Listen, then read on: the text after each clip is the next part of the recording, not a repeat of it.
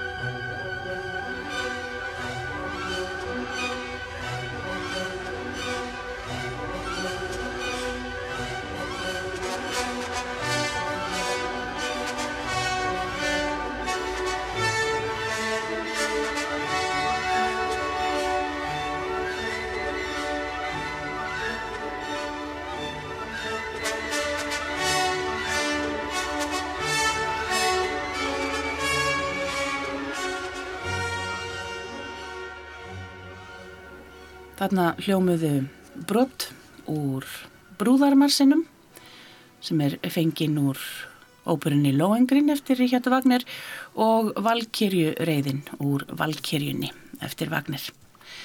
En um, nú er stórt spurt hvað Selma er svona merkilegt við Vagner? Hvað er það sem að rýfur þig?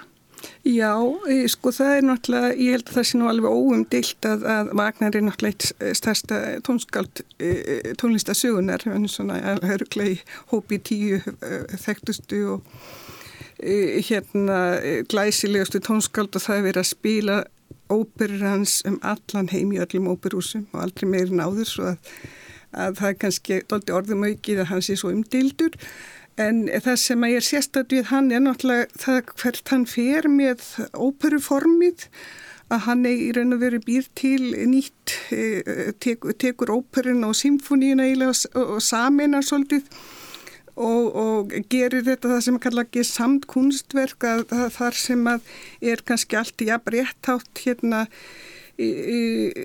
söguþráðurinn, söngurinn, hljómsveitin, leikmyndin og árangurinn er sem sagt þetta eru yfirleitt sem sagt mjög hver óper fyrir sig mjög mikið sem fælst í henni sko og, og, og það sem kannski gerir svona frá efninu síðan þá eru söguefninu yfirleitt svona tímalus það er eins konar goðursögur þannig að, að þau eru gildandi á öllum tímum og sem að gerir þau svo hérna þess vegna er svo spennandi alltaf fyrir leikstjóra að fást, fást við, það því þetta er einhvern veginn ekkit svona úreldist ekki. En það sem ég finnst alltaf stórgóðslegast við Vagner er nótkunnast á hljómsveitinni sem er eh, hann notar eitt mjög stóra hljómsveitir og, og skrifar fyrir þær af ótrúlegri færni og notar, tekur með, meðlan að sé að notar hljóðs blástu hljóðfari mjög mikið og það, þetta er bara eitthvað svona alveg stórgóðslegu hljóð heimur. Mm. Varstu strax hrifin á hennum? Já, sko, ef þú spyrir Júlið sem hérna með mér, hann er orðin Vagner, Vagner aðdándi miklu yngre en ég, en ég heyri náttúrulega ekki Vagner óperu fyrst á sviði fyrir en ég er áðin tvítu sko og þá reynda byrja ég á kannski sumpartin erfiðistóperinni, ég horfa Síkfrít út í Hannover með, með samnefndu mínu við tónlistarháskólan og mér fannst hún nú satt, satt að segja frekar erfið sko en, en, en reyndar er svo í dag er akkurat e, kannski fallegasta tónlistin yfir höfuð í Vagner er akkurat í, í þrija þætti mín Síkfrít en svona upp og svo sá ég hollendingi skömmu setn og þá var ég varði ég nú eiginlega mjög spennt fyrir vagnir og, mm. og svo, svo fór það bara vaksandi. Mm.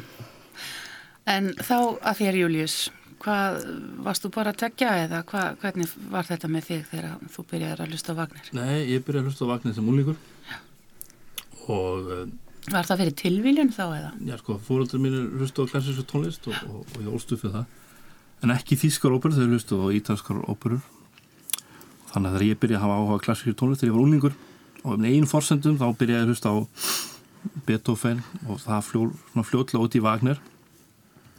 Og það sem hitlaði mig var náttúrulega fyrst og fyrst háfaði og læti til að byrja með. Og þetta var líka eitthvað sem fólkdæminn hlustuði ekki á hendaði mér sem úrlingur að prófa þetta. Og en fljóðlega eftir að byrjaði að kynast Wagner þá, þá, þá sá ég sko að, að það var sem leikverk og sem sviðsverk sko, sem að Agner byrjaði að heitla mig mm.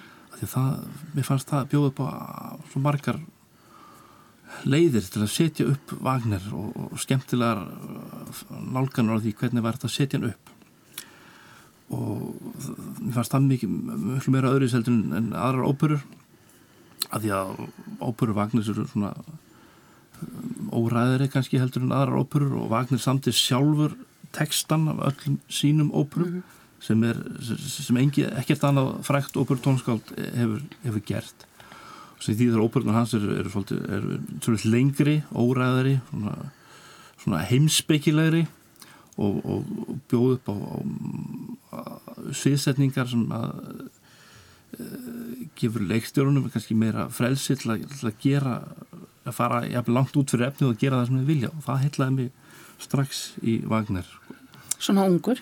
Já, já. og svona, já, svona múlingur og, og náttúrulega tónlistin er það er svona, það er læti og það er áhæði og, og það er drama, það er mikið drama og, og eins og Selma segir þá náttúrulega er hljómsveitin mjög stór og virkur þáttakandi hjá Wagner alveg til að byrja með hlusta ég bara á hljómsveitaverk eftir Wagner það þú tekur sér alla forleiki og millispil úr öllum sem tíu fræg óperum sem hann gerði þá ættu með svona 23 klukkutíma af bara symfónískri tónlist mm -hmm. sem ég byrjaði að hlusta fyrst á og margir byrjaði að hlusta fyrst á þegar kynast Wagner og síðan fara út í það að bæta við óperum þar sem er sungi mm -hmm.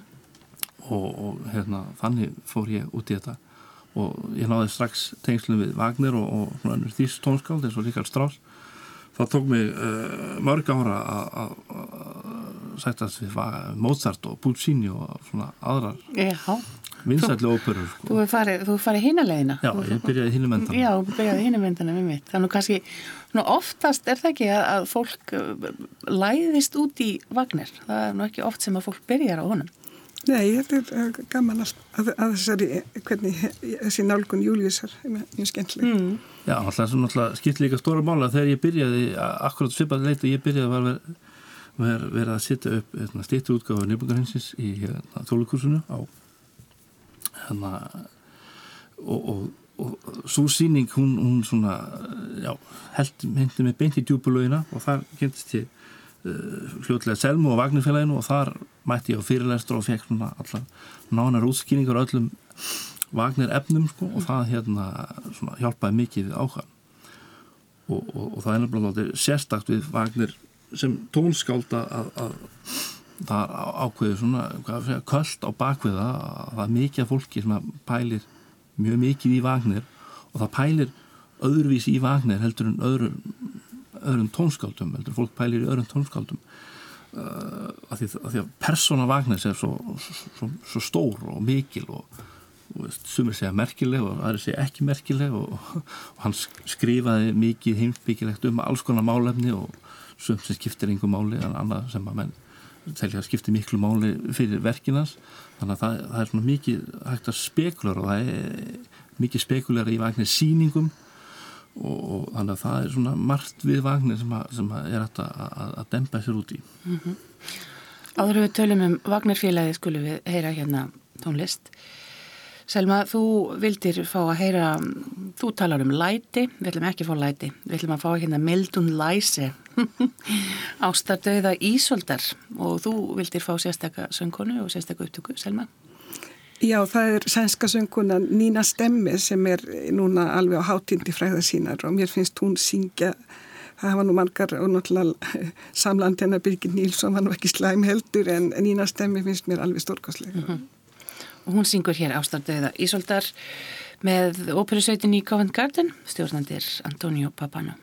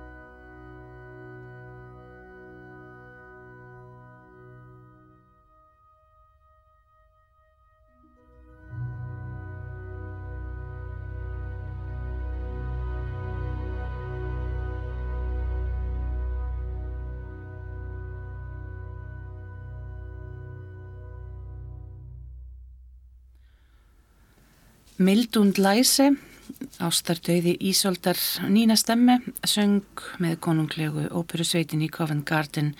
Stjórnandi var Antonio Papano og þetta er að sjálfsögðu fengið úr óperunni Tristan og Ísold eftir Wagner. En uh, skulum tala aðeins um Wagner félagið. Þú ert í fórsæri fyrir því. Sem, já, já. E, og það gerðist nú að það náttúrulega mjög skemmtilegur aðdragandi því að e, það ég var svo sem ekkit e, orðið neitt, neitt svona alveg forfallinvagnir aðdándi árið 1994 þegar þessi ringsýning sem Július var að nefna það var, var settur upp hérna, hérna míniútgáfa af nýblungatingun og einu kvöldi hérna. Var það listaháttíð? Það var listaháttíð í samstarfi við symfóníina, óperun og þjóðlíkusið og ég kom að þeirri síningu þannig að ég var í stjórnlistaháttíðar og var það byrja að fara á bærutáttíðunar og, og þá nýskipaði formaður háttíðana Valgari Eilssona við vorum þarna í júni 1992 og ég var að fara út og, og hann sagði bara við mig náðu nú fyrir okkur í Vagniróperu til bærut og ég kannski svolítið barnalegi ég, mér fannst mér byrja skilta til að gera eitthvað í málinu svo ég náði tali af Volgang Vagner yfir stjórnanda háttíðarinnar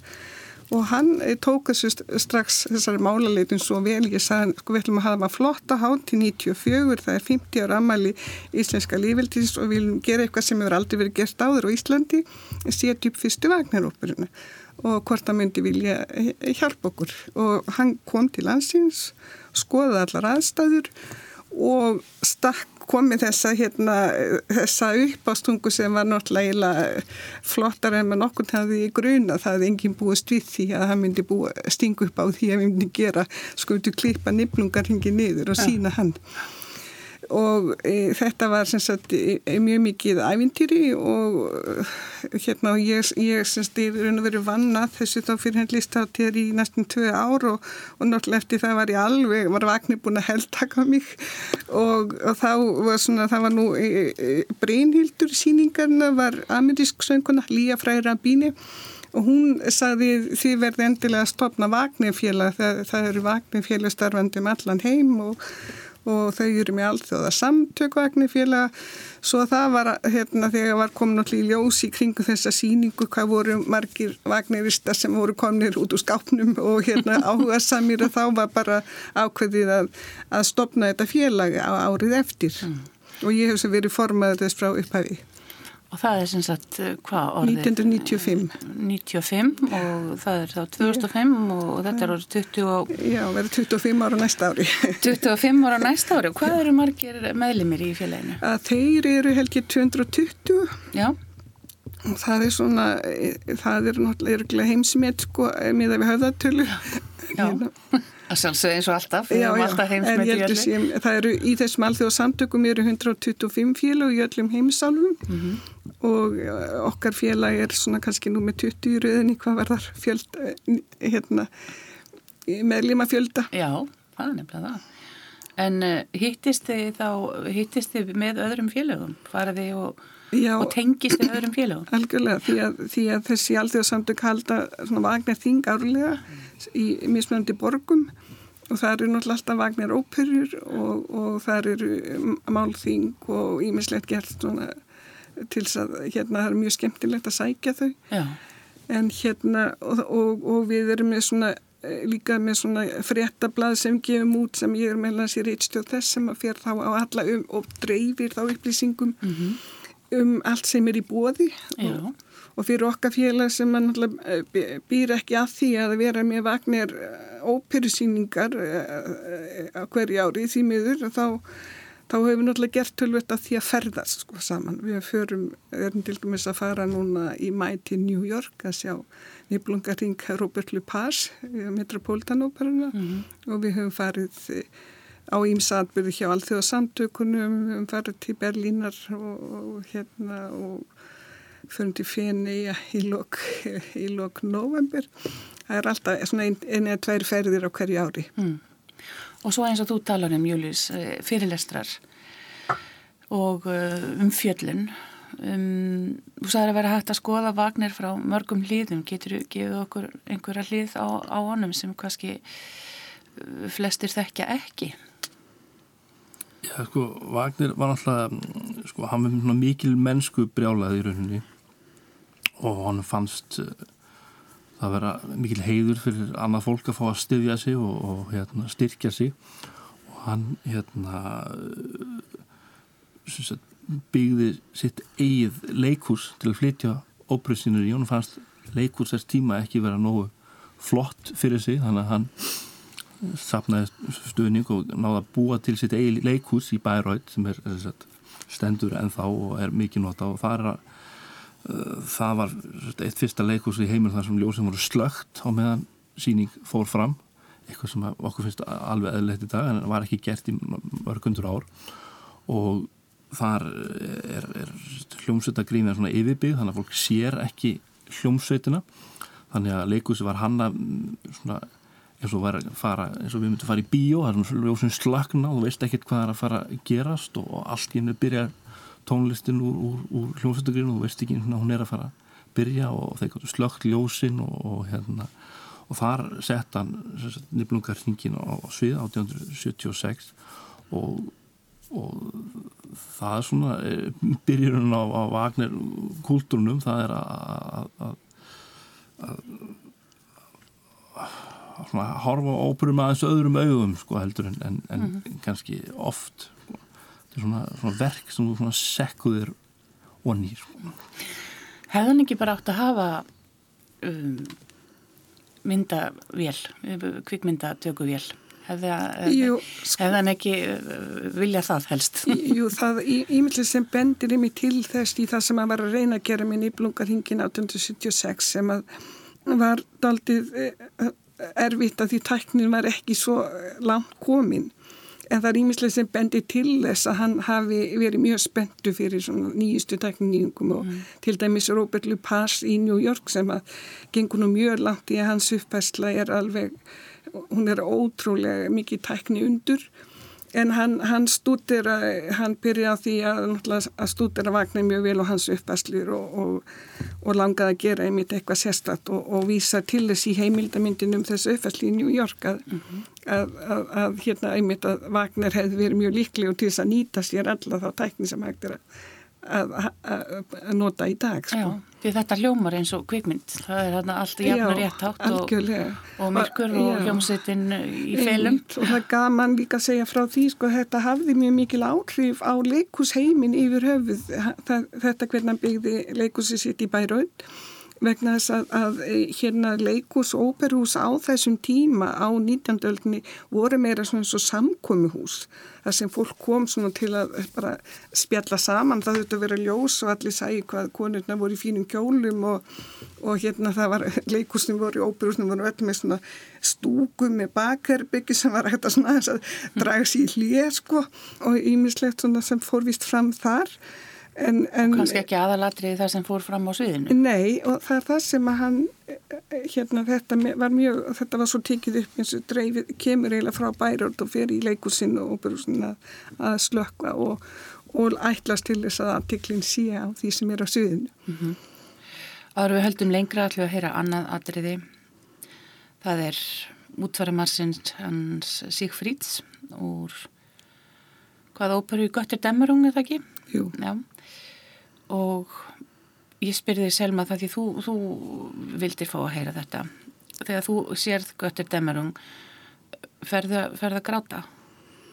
Þegar þetta aðrið kemur. Farið kökk í hálsin Já, ég er svona verður mjög snortinn alltaf þegar ég heyri þennan, þennan útfæra maður og líka mér finnst hérna, ég er mjög mikla sterkar samu með Síkfrít og að því að hann er svo mikið leiksoppur í þessu stóra mikla verki og, og þess, þetta náttúrulega er eitthvað fallegasta hljómsveitarverk sem bara ég þekki yfir höfuð. Og það, er gaman að við vorum einn af þessum fyrirlistrum sem við, við verum með mikið fyrirlistrum einhver tíman útskýrði Reynir Angselsson akkurat eh, hérna skilgrind allan eh, hérna sorgamassin þannig að þetta var í raun og veru, maður gæti útskipt þetta var í raun og veru ævi hlaup síkfrítsalli frá, frá því í byrjun og, og, og sem að, sem að þetta reykja svona með leiðarstefjunum sko. Já, en, en sko svo sannlega er það ekki hérna einhvern veginn eitthvað sem verður einhvern veginn uh, til trafala heldur er þetta bara uh, alveg ótrúlega áhrifamikil tónlist. Það mm -hmm. má, segja það þegar maður hlustar á þetta verkildum sem, sem bara symfónisverk þá er þetta bara mjög, mjög fínt verk og rosalega flott sko en, en í rauninni þessum tímpunkti sem er í lokinu á Götterdæmunum og sem er í lokinu á Nibblungaringum sem er 15 klukkutímar á tónlist að það er ekkert nýtt í þessu verki Wagner notar svona stef sem var algjörlega nýtt á hans tíma að hver persóna eða, eða tilfinningar eða hlutir hafa ákveðið stef stutt, sum stutt, sum mjög laung og Wagner blandar þeim öllum saman og breytir þeim í, í, í, svona, í gegnum verkið og, og, og þarna þessum tímapunkti þá, þá heyrum við bara í réttri röðun ánast öll helstu stefin úr æfi Sigfríðs við heyrum til að byrja með heyrum við svona döðarstefu því hann er mm. nýtt áinn síðan heyrum við hérna stef, stefið um sverðans sem við heyrum fyrst vegna þess að sverðið var til áður en að Sigfríð var til. Mm -hmm. sverðið var til áður en að fóröldra Sigfríð var til þess að heyrum stef sem sverðinu fyrst svo heyrum við stef völsungarna sem er fjölskylda Sigfríðs fóröldrans síðan heyrum við Sigfríð, síðan heyrum við stefið það sem hann kynnist hérna Brynhildi og ást þeirra og, og þetta er allt saman ofið saman í gríðala magnað tónverk. Og, hérna, og þeim var eitt af þessum magnir áhuga mann gera það er að pæla í þessum stefum. Hvað hvert er að þýðir og hvernig þau breytast og, og svoleiðis mm -hmm. Fær þú tári í augun þegar þetta kemur í lokin? E, já, já, það kemur alveg fyrir. En, e, en það sem líka annað er að þegar maður er búin að hlusta á nefnbjörningi í 15 tíma þá er mjög mikið sungið og, og, og, ég hef læriður ópröfsengur og mjög gaman að söng en, en síðan þarna þegar maður sko, tónlistin, þegar hljómsendin tekur yfir sko, þá fyrir maður ofta að hugsa bara ah, hvernig var allir þess að syngja sko, að það nú að hlusta bara hljómsveitina sko. það er ákveðin mm, tilbreyting sko. hún svona, segir allt sem segja þar sko. kemur svona smá, hvað segir maður kvíld já. Já. Heyrim hérna útvara Marcinas Sigfríds um, það er Bellinar Fílarmónian sem leikur og um, Herbert von Karajan stýrir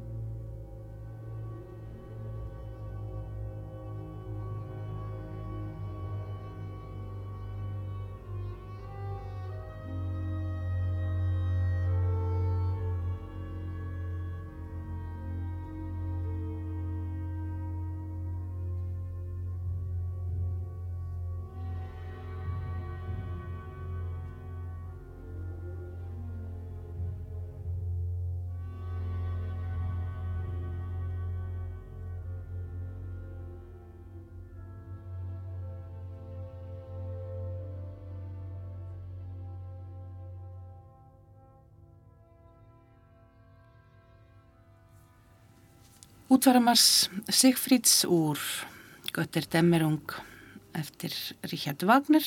Það var Berlínar Fílharmonían sem lekundi stjórn Herberts von Karajan.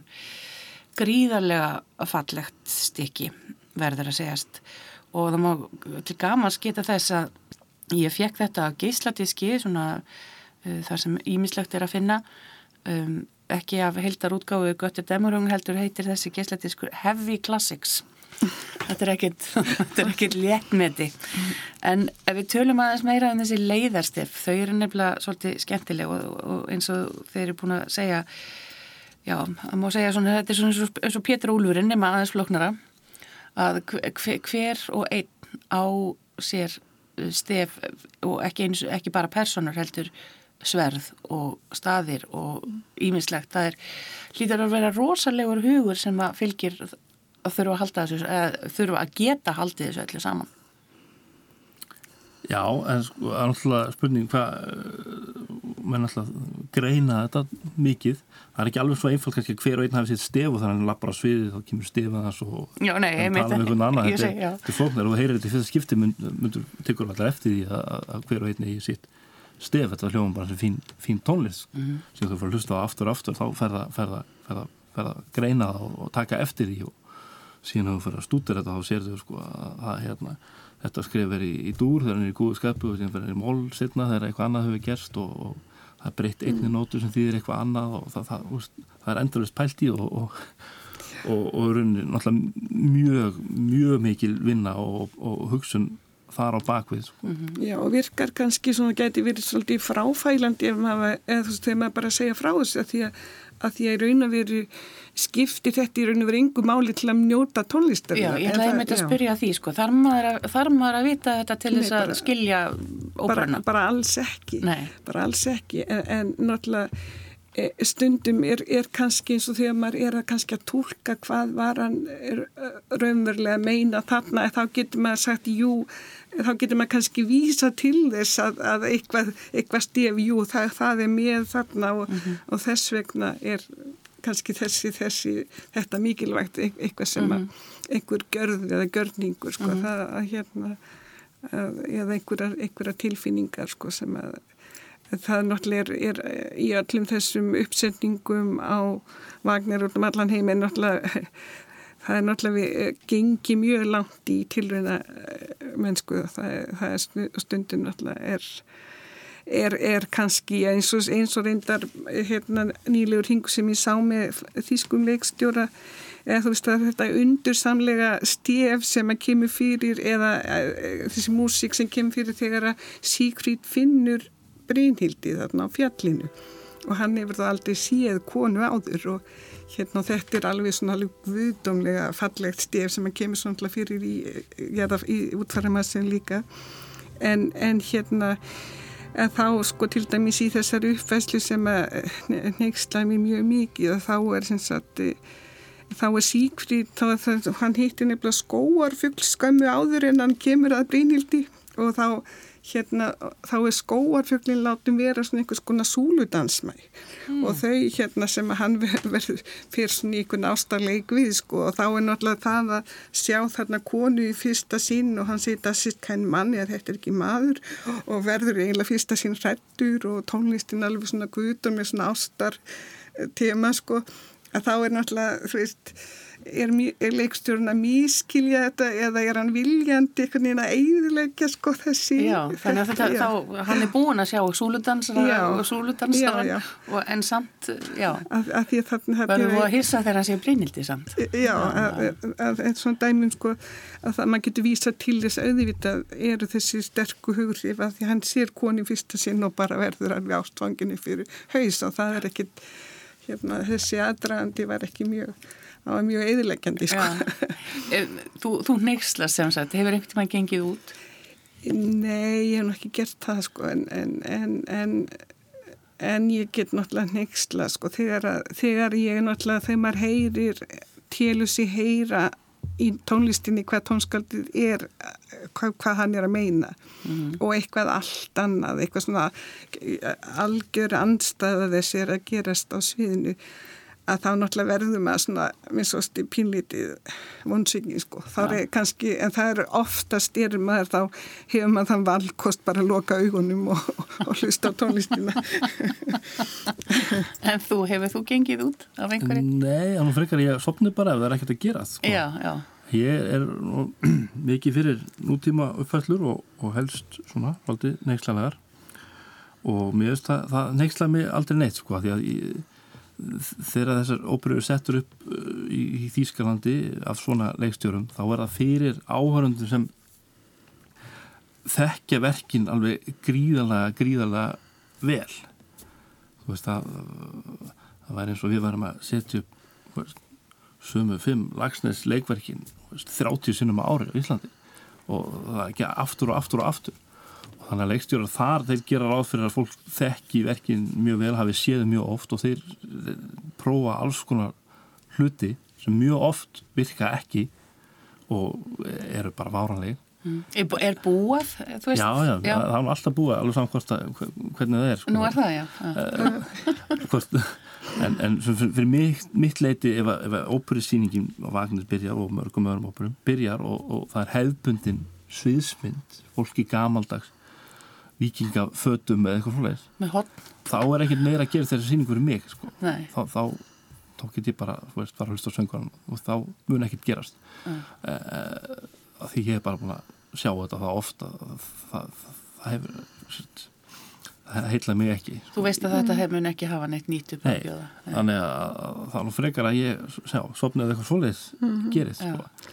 en, en, en hitt svona og þegar maður taka áhættur, sko maður verður að taka áhættur en það virkar mjög oft ekki sko, ég er alveg sérlega gríðarlega margar mjög leiðilegar vagnir síningar og það, það er mjög slemt að vagnir síningar leiðilega og það eru svo langar sko. ég var einmitt alltaf það þjást svo lengi alltaf einmitt að fara að segja en, þetta. en, en, en oftast en ég líka sín margar mjög mjög góðar og þá fær það njóta þeirra mjög lengi, það er mjög gott Já Það er mjög merkilegt eins og til dæmis með þarna 100 ára ringin sem að setja upp 1976 eh, af Patrice Rowe, þarna franski eh, kvikmyndalegstur sem var fenginn til að gera þetta og og það hérna eftir síninguna það þurfti næstum að hafa sko brinnverða lífverði til að passa upp á starfsfólk festbíla á því að það voru svo brjálu mótmæli og læti, það var alveg ótrúlega viðst, og, svo, maður getur ekki skilið þetta í dag til og að ef maður horfir á þennar ringa mann finnst það bara algjörlega guðdámlegt og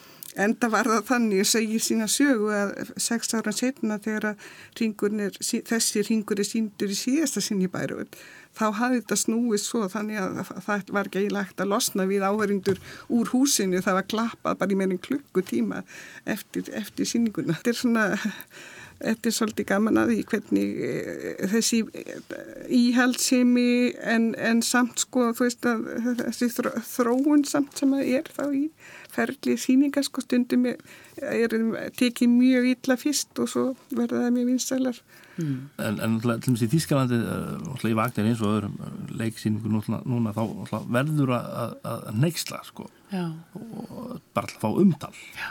og hérna þannig að það komi mjög langt í, í í þá áttina sko, Já, og gengur stundum kannski aðeins og langt eða hvað. Ja, það er náttúrulega bara já, það er náttúrulega mm. búið að gera svo mikið held að gangið ekkert og langt núna sko, það er náttúrulega bara, en sumt er bara ekkert vel gert og, og, og, Ég held að geti verið ágætt að fara bara svolítið út fyrir Þískaland og sækja eins og til dæmis á Metropolitan sem sækja leikstjórnandi í Kanada hérna sem er að ótrúlega eh, skemmtileg hvað það snertir hans alveg sekkus því Vagnar og hvernig hann var og svo segir hann, svo fór ég til Ísland segir hann, að því að ef maður er að fara að setja upp nýblungarhingi þá er alveg nöðsild að fara til Íslands að því að ringunin náttúrulega sækir 85% söguefni sínu í íslenskar bókmyndir mm -hmm. og þar sér hann eh, bæði fyrir hann í, í sapni árnarsatmæntali og sér þar fyllt af myndum úr, úr handritum sem hafa mikil áhrif á búningagerðina og svo er náttúrulega mjög upptíkin sko af flekaskílunum og hvernig land elds og ísa þar sem allt er á reyfingu og lesa þessi, þessi rándýra leikmynd, 40 tonna leikmynd þarna þessi, þessi maskína sem hann svo kallu sem eru fyllt af flekun sem eru sífyllt á reyfingu þetta er ekkit annað en hans e, sína á því að endurskapa Ísland og íslensku áhrifin. Já, hérna. Þetta finnst mér að vera flott nálgun og þetta hefur enginn gert áður. Já, og þetta er þið að fara að sjá í næsta mánuði. Já, við erum að fara að sjá þetta í, í, á Metropolitan í mæ. En það er nú samt svolítið leiðilegt að uh, fyrst að sögutráðurinn eða sagan tengist okkur svona ná eða að við fáum aldrei að sjá óperu hér. Já, það er alls ekkit ómöguleik, við eigum allt sem til þar, við eigum leikus, við eigum hljómsveit, við eigum söngvara, við eigum kóra, uh, uh, það, má segja kannski uh, að þetta sé, það sumar þeir eru náttúrulega daldi dýrar en ekkit miklu dýrari heldur en kannski Don Carlos eða með svona mannmiklar óperur sem eru líka, það er náttúrulega langar sko sem gerir mm aðeins dýrari. Já.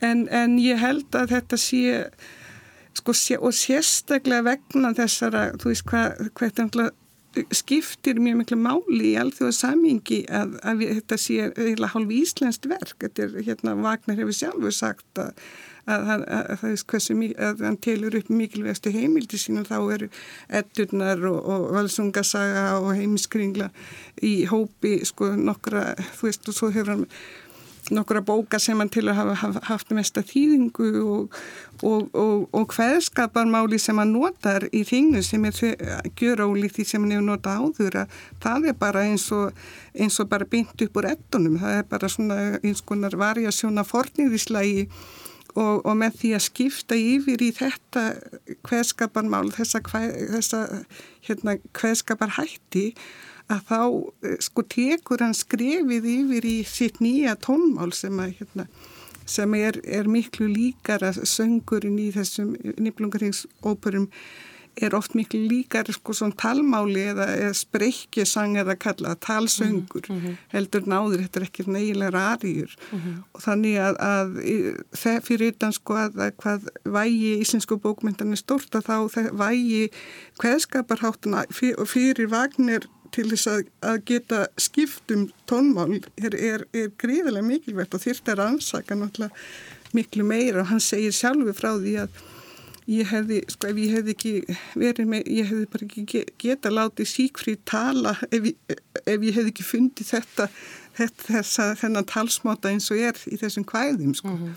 og það, þetta er, þetta hefði ég haldið að þetta kveika í svona eins og þeim sem að stjórna óperu uppfærslum á, á Íslandi til þess að halda upp á þetta, við geti gláð þessu mm. en það veit ég að það er mjög, mjög mikið fólk í úrlöndum sem að býðu spennt eftir að koma til Íslands þegar að verður hérna næst vagnarsýning mm -hmm. reyndar er nú valkerinn vist að koma næsta ári svo að það, það er, er þetta náttúrulega er kannski að fara að gerast það verður, verður búið að tilkynna það Að lokum getur hver sem er gengið í, í vagnarfélagið um þar maður að gangi gegnum eitthvað próf. Já, nei, það, við, við erum hérna alveg galopin og fögnum hverjum félagsmanni og hver, hvaða aldri sem mann er á kynni. Og þannig að, að það er bara að hafa samband við, við, við mig hérna, það er hægt að finna félagi á Facebook líka en þess að bara að bara senda, senda inn áhuga og þá er þar með þér fólkið bara bóði velkomið í félagið mm. Július K. Einarsson og Selma Guðmundsdóttir, takk fyrir að koma í þáttinn og spjalla um Vagner og tónlist hans og um, Selma þú valdir lokalægið og það er hinn fallega kveðja Vótans Leif Vol þar sem hann er að kveðja Brynhilde mm, úr Valkyrinni. Það er Rauni Papp sem syngur með Berlínar Fílarmoníunni. Þanga til næst hafa það sem allra best verði sæl.